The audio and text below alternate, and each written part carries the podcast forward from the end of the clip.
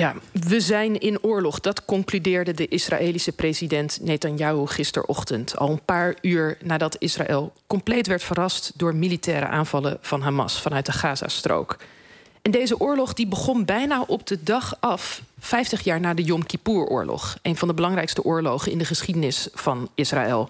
Wat verklaart de beslissing om juist op dit jubileum opnieuw Israël aan te vallen?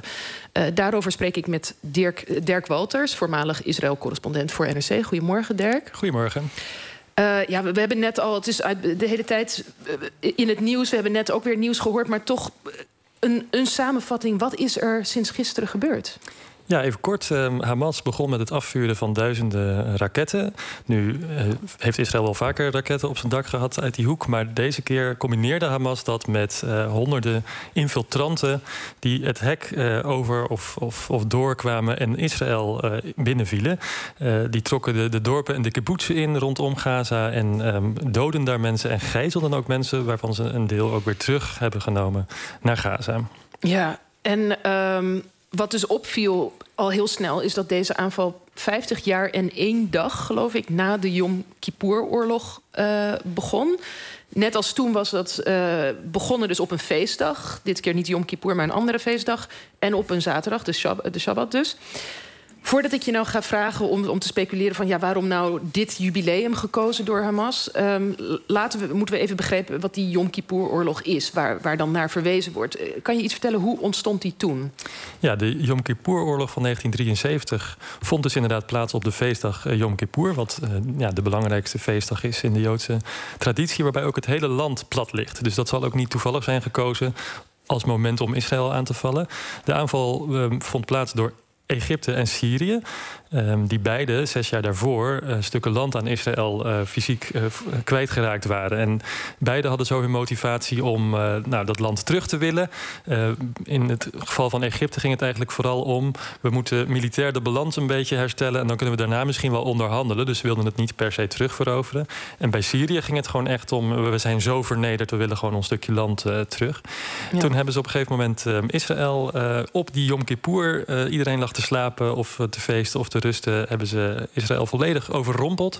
En het was ook een, uh, een moment waarop de Israëlische veiligheidsdiensten ja, ernstig uh, in verlegenheid uh, werden gebracht. En daar zie je eigenlijk alweer een parallel ontstaan met wat er nu aan de hand is. Ja, want je zegt het al, dus ze werden eigenlijk net zo verrast als gisteren.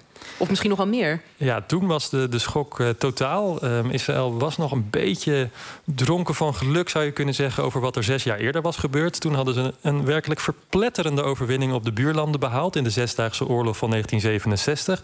En eigenlijk dachten ze op dat moment dat ze, nou ja, wel zo'n beetje onoverwinnelijk zouden zijn. En die, nou, die, die buurlanden zouden het wel niet in hun hoofd halen om binnen te vallen. Maar dat deden ze dus toch. Waar ze dus compleet door overvallen werden. Dat heeft echt nog voor jaren, zo niet decennia, ja, echt wel gespeeld in de Israëlische psyche. Van hé, hey, we zijn misschien toch niet zo onoverwinnelijk. Ja, en um, ja, dat is, dat is waarschijnlijk niet makkelijk samen te vatten. Maar hoe is toen die oorlog afgelopen? Nou, uiteindelijk heeft Israël dat tij weten te keren. Dus op dag één zijn ze ongelooflijk uh, overrompeld. Hebben ze enorme verliezen geleden.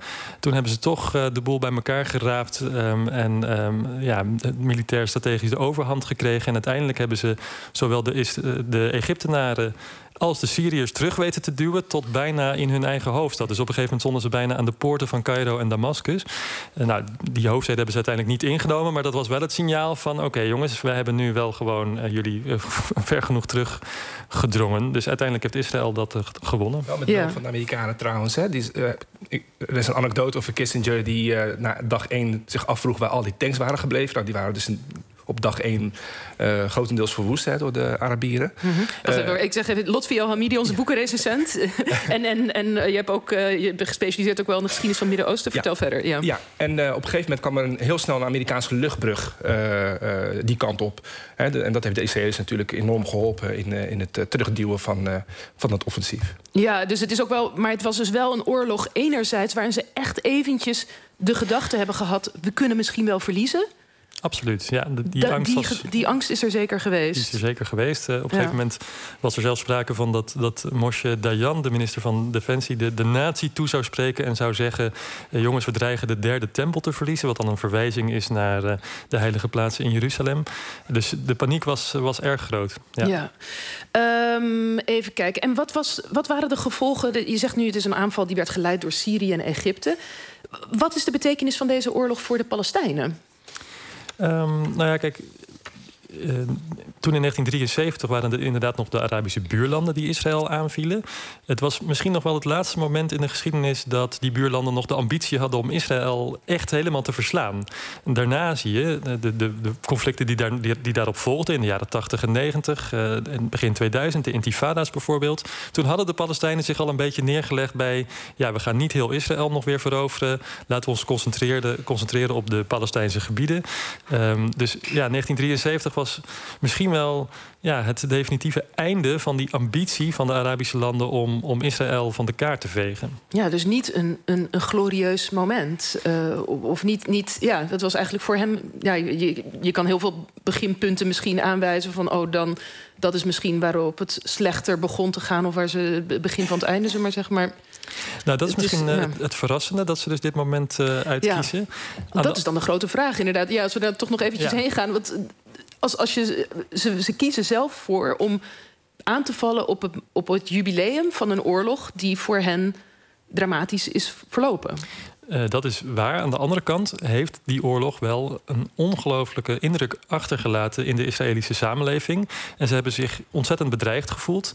Um, en ook toen ze die oorlog hadden gewonnen, waren ze nog niet helemaal van de schrik uh, bekomen. Dus de, de, de, het verrassingselement van kijk eens wat we nu doen. We hebben de Israëlische samenleving echt uh, helemaal in shock gebracht. Dat zat er deze keer ook in. En daar, daar zie je dan natuurlijk wel weer die parallel dat Hamas nu misschien ook wel gedacht heeft van de symboliek van dit moment is gewoon heel, heel groot groot. Hè? En omdat die schok toen zo groot was... en wij kiezen precies dan 50 jaar ja, plus één dag, omdat het dan weer op Shabbat uh, viel. Um, kiezen we dat moment juist uit als een soort historische referentie van die grote schok. Ik kan me wel iets bij voorstellen dat dat ook iets, ja, vanuit hun perspectief, iets, iets, iets heroïs eraan geeft. Ja, in, ook iets wat jij net zei. Ik zat gisteren toch ook nog. Uh, op een gegeven moment kwam er een statement van Hamas. Uh, van ja, wat de reden is waarom nu deze aanval. En daar verwezen ze ook naar een moskee die op diezelfde plek staat als, als uh, wat jij net noemde, de derde tempel. Ja. Die, uh, ze zeiden van ja, dat is, dat is ook een reden waarom wij nu aanvallen om uh, ja, toegang tot die tot die moskee te bewaren of iets dergelijks? Ja, klopt. Je hebt uh, ja, de Tempelberg in Jeruzalem. Zo ja. wordt die in, uh, ja, vanuit Joods perspectief genoemd. Uh, Haram al-Sharif voor de Arabieren. Daar staan nu islamitische heiligdommen. Dus de Al-Aqsa-moskee en de, en de Dome of the Rock, de rotskoepel. En Joodse extremisten die ijveren voor het herbouwen van de Joodse tempel... die daar tot 2000 jaar geleden stond. Dan hebben twee tempels gestaan. Dat was de tweede tempel die destijds door de Romeinen werd verwoest. Nou ja, je kunt je voorstellen, als die Joden hun zin zouden krijgen. Het, zijn echt een, is een, een, kleine factie in de Israëlische samenleving die dat wil, maar toch. Uh, hun retoriek is reëel. Als die dat echt hun zin zouden krijgen om die tempel te herbouwen, dan, ja, dan, dan krijg je een enorme uh, religieuze oorlog. Want dan zouden de, de heiligdommen van de, van de moslims uh, vernietigd worden. Dus dat, dat, speelt altijd een rol bij ieder conflict tussen Israël en de Palestijnen. Gaat het altijd weer terug over die tempelberg. En je ziet dat inderdaad nu ook weer terugkeren in de retoriek van Hamas. Dus je hebt af en toe Joden die die tempelberg willen bezoeken.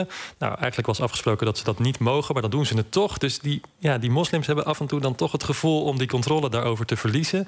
En dat doet dat ook altijd wel goed onder de bevolking om dan aan te roepen van help, de Tempelberg of de Haram al-Sharif is in gevaar, we moeten nu in actie komen. Ja, dus het is wel interessant, want het was toen eigenlijk iets waar, waar de, de Israëliërs toen ze werden aangevallen in 73 naar verwezen. En nu eigenlijk ook toch ook weer in Hamas. Misschien is daar ook nog een deel van de verklaring. Maar het, blijft een beetje raden nog, in zekere zin. Denk, ja, denk je dat, dat, nog, dat ze daar nog met meerdere statements over zullen gaan komen? Of? Um, ja, dat, is ook even afwachten wat hun precieze motivatie is en welke opheldering ze daar zelf nog over gaan geven. Ik vond eigenlijk die verklaring van die Tempelberg ook weer niet zo overtuigend. Want het is niet alsof nou de afgelopen dagen of weken daar nou specifiek iets heel erg aan de hand was. Nee. Het voelde meer als, ja, die Tempelberg kan je altijd nog even inzetten.